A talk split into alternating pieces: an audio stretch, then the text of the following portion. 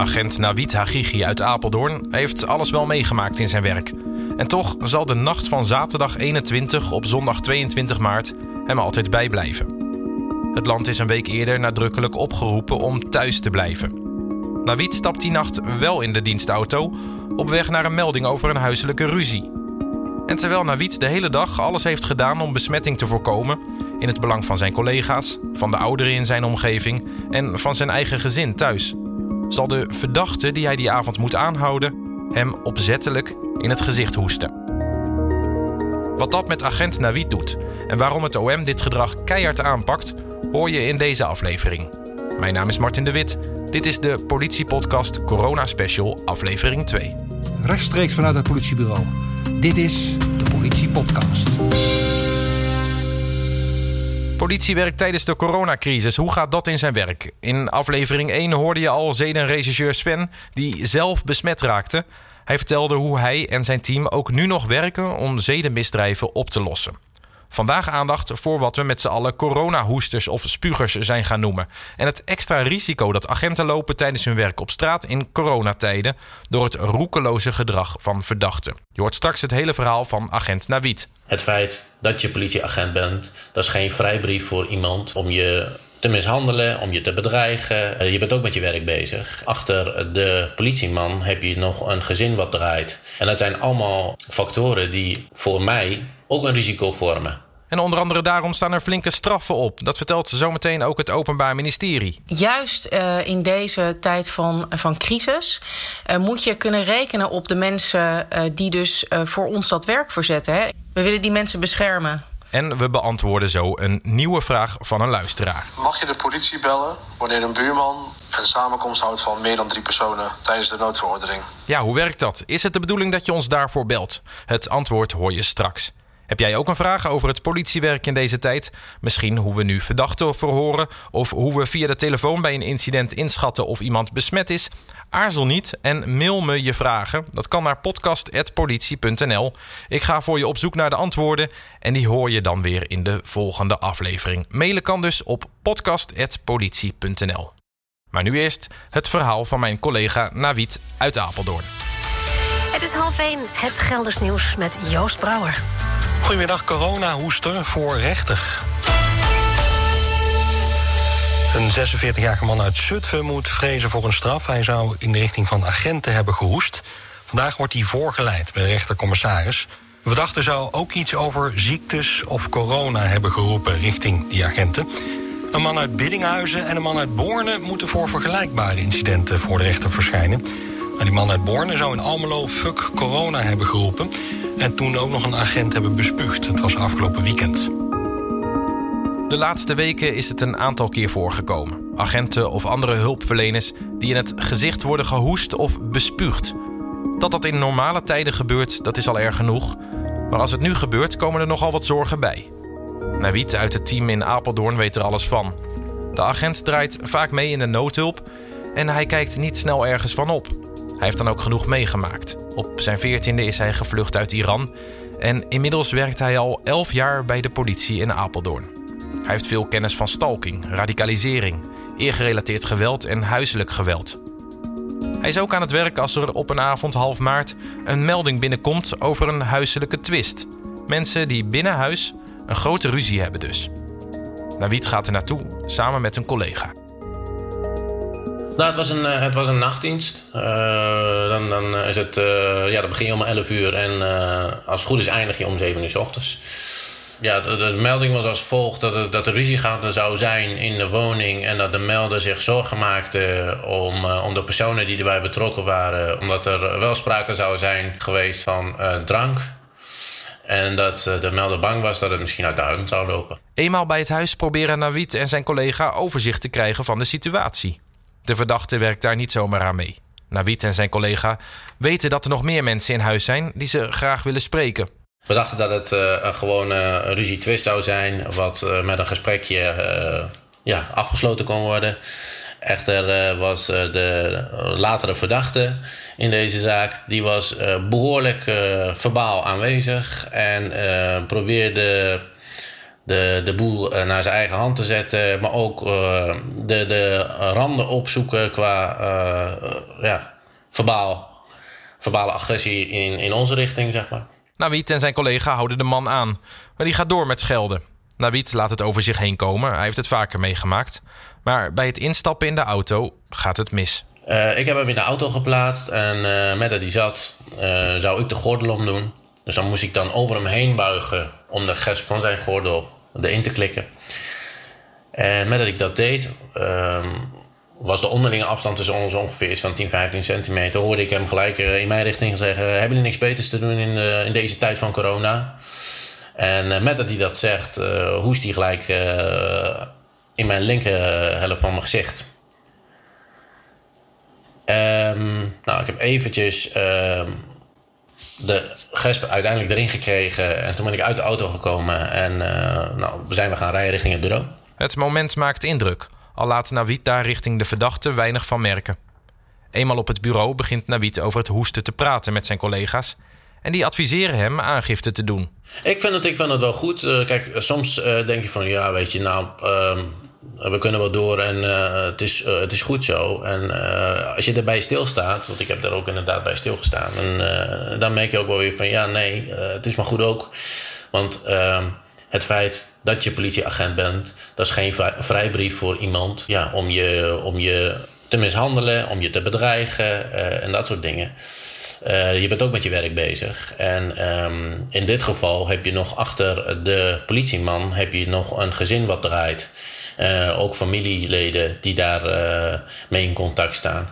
En dat zijn allemaal uh, factoren die voor mij ook een risico vormen. Nawiet volgt het advies van zijn collega's op en doet aangifte. Voor zichzelf, maar vooral om een signaal af te geven dat dit echt niet geaccepteerd wordt. Kijk, tot op zekere hoogte zijn bepaalde dingen aanvaardbaar.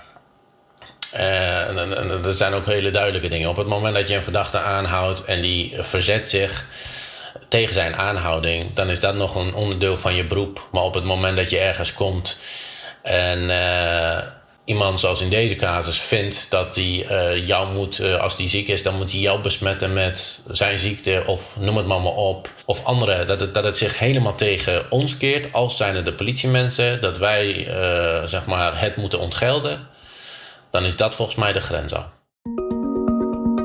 Dat dit gedrag onacceptabel is, vindt ook het Openbaar Ministerie. De afgelopen weken zijn meer hulpverleners bespuugd of in het gezicht gehoest. Justitie hanteert een lik-op-stuk beleid, snel en duidelijk. Martine Polvliet is officier van justitie in Oost-Nederland. Ja, we accepteren dit uh, gedrag inderdaad absoluut uh, niet. Uh, en dat betekent dat we nou ja, inderdaad snel acteren. we zijn in deze crisis juist afhankelijk van mensen in de vitale beroepen. En dat zijn inderdaad onder meer agenten, uh, hulpverleners, toezichthouders, maar ook winkelpersoneel. En uh, ja, zij verdienen uh, onze uh, bescherming en respect. En dat is dus ook waarom we zware straffen eisen, onder meer gevangenisstraffen die zelfs kunnen oplopen tot, tot enkele maanden. Handen af van onze hulpverleners. Er zijn verschillende acties die hiertoe oproepen. Want helaas gebeurt het vaker dat agenten tijdens een dienst bespuugd worden. En het overkomt ook andere mensen met een vitaal beroep.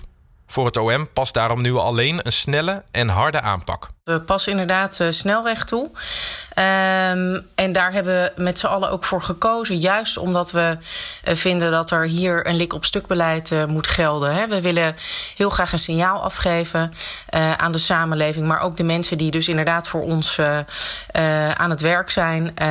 juist in die vitale beroepen.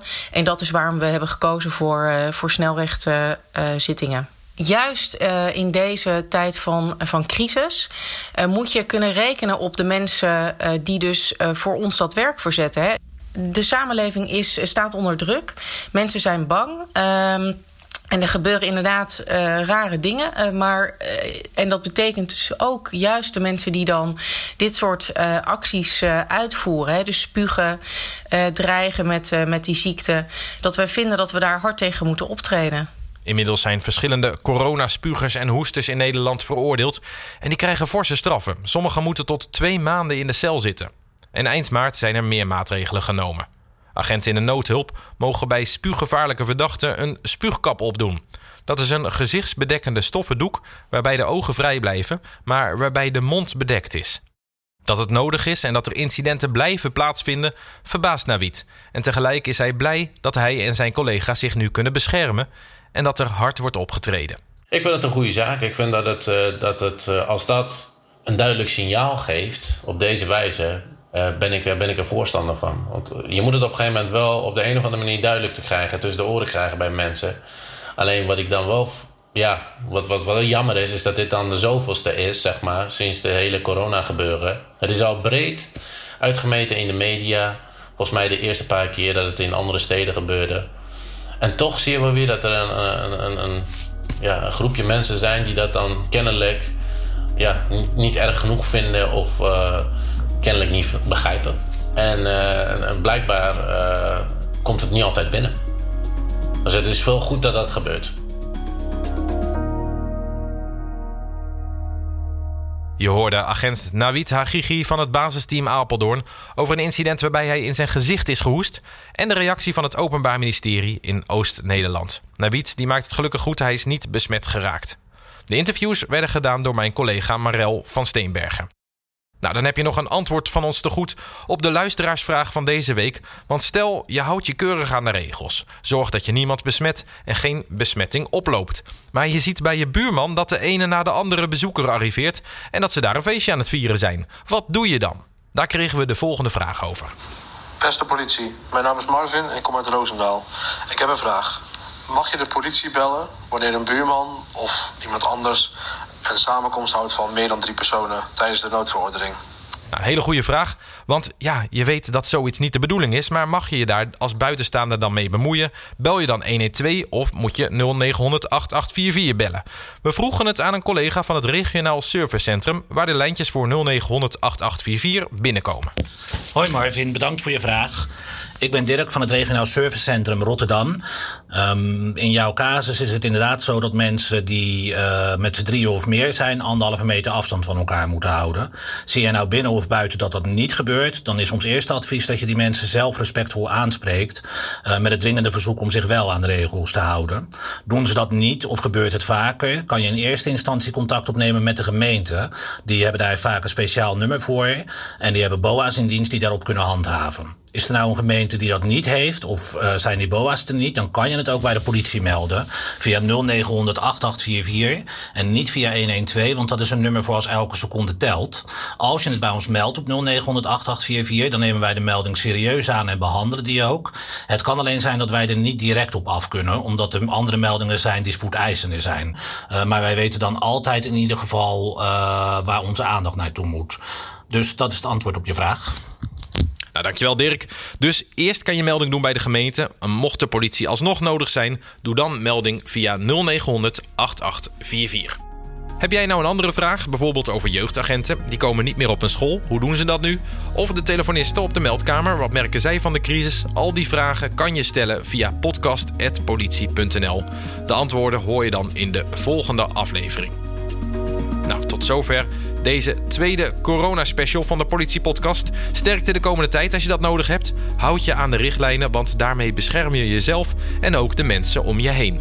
Als je op de hoogte wil blijven van nieuwe afleveringen van de Politiepodcast, abonneer je dan met de knop in je podcast-app. We zijn snel bij je terug met een nieuw verhaal van een collega en een nieuwe vraag van een luisteraar. Voor nu, bedankt voor het luisteren en tot snel.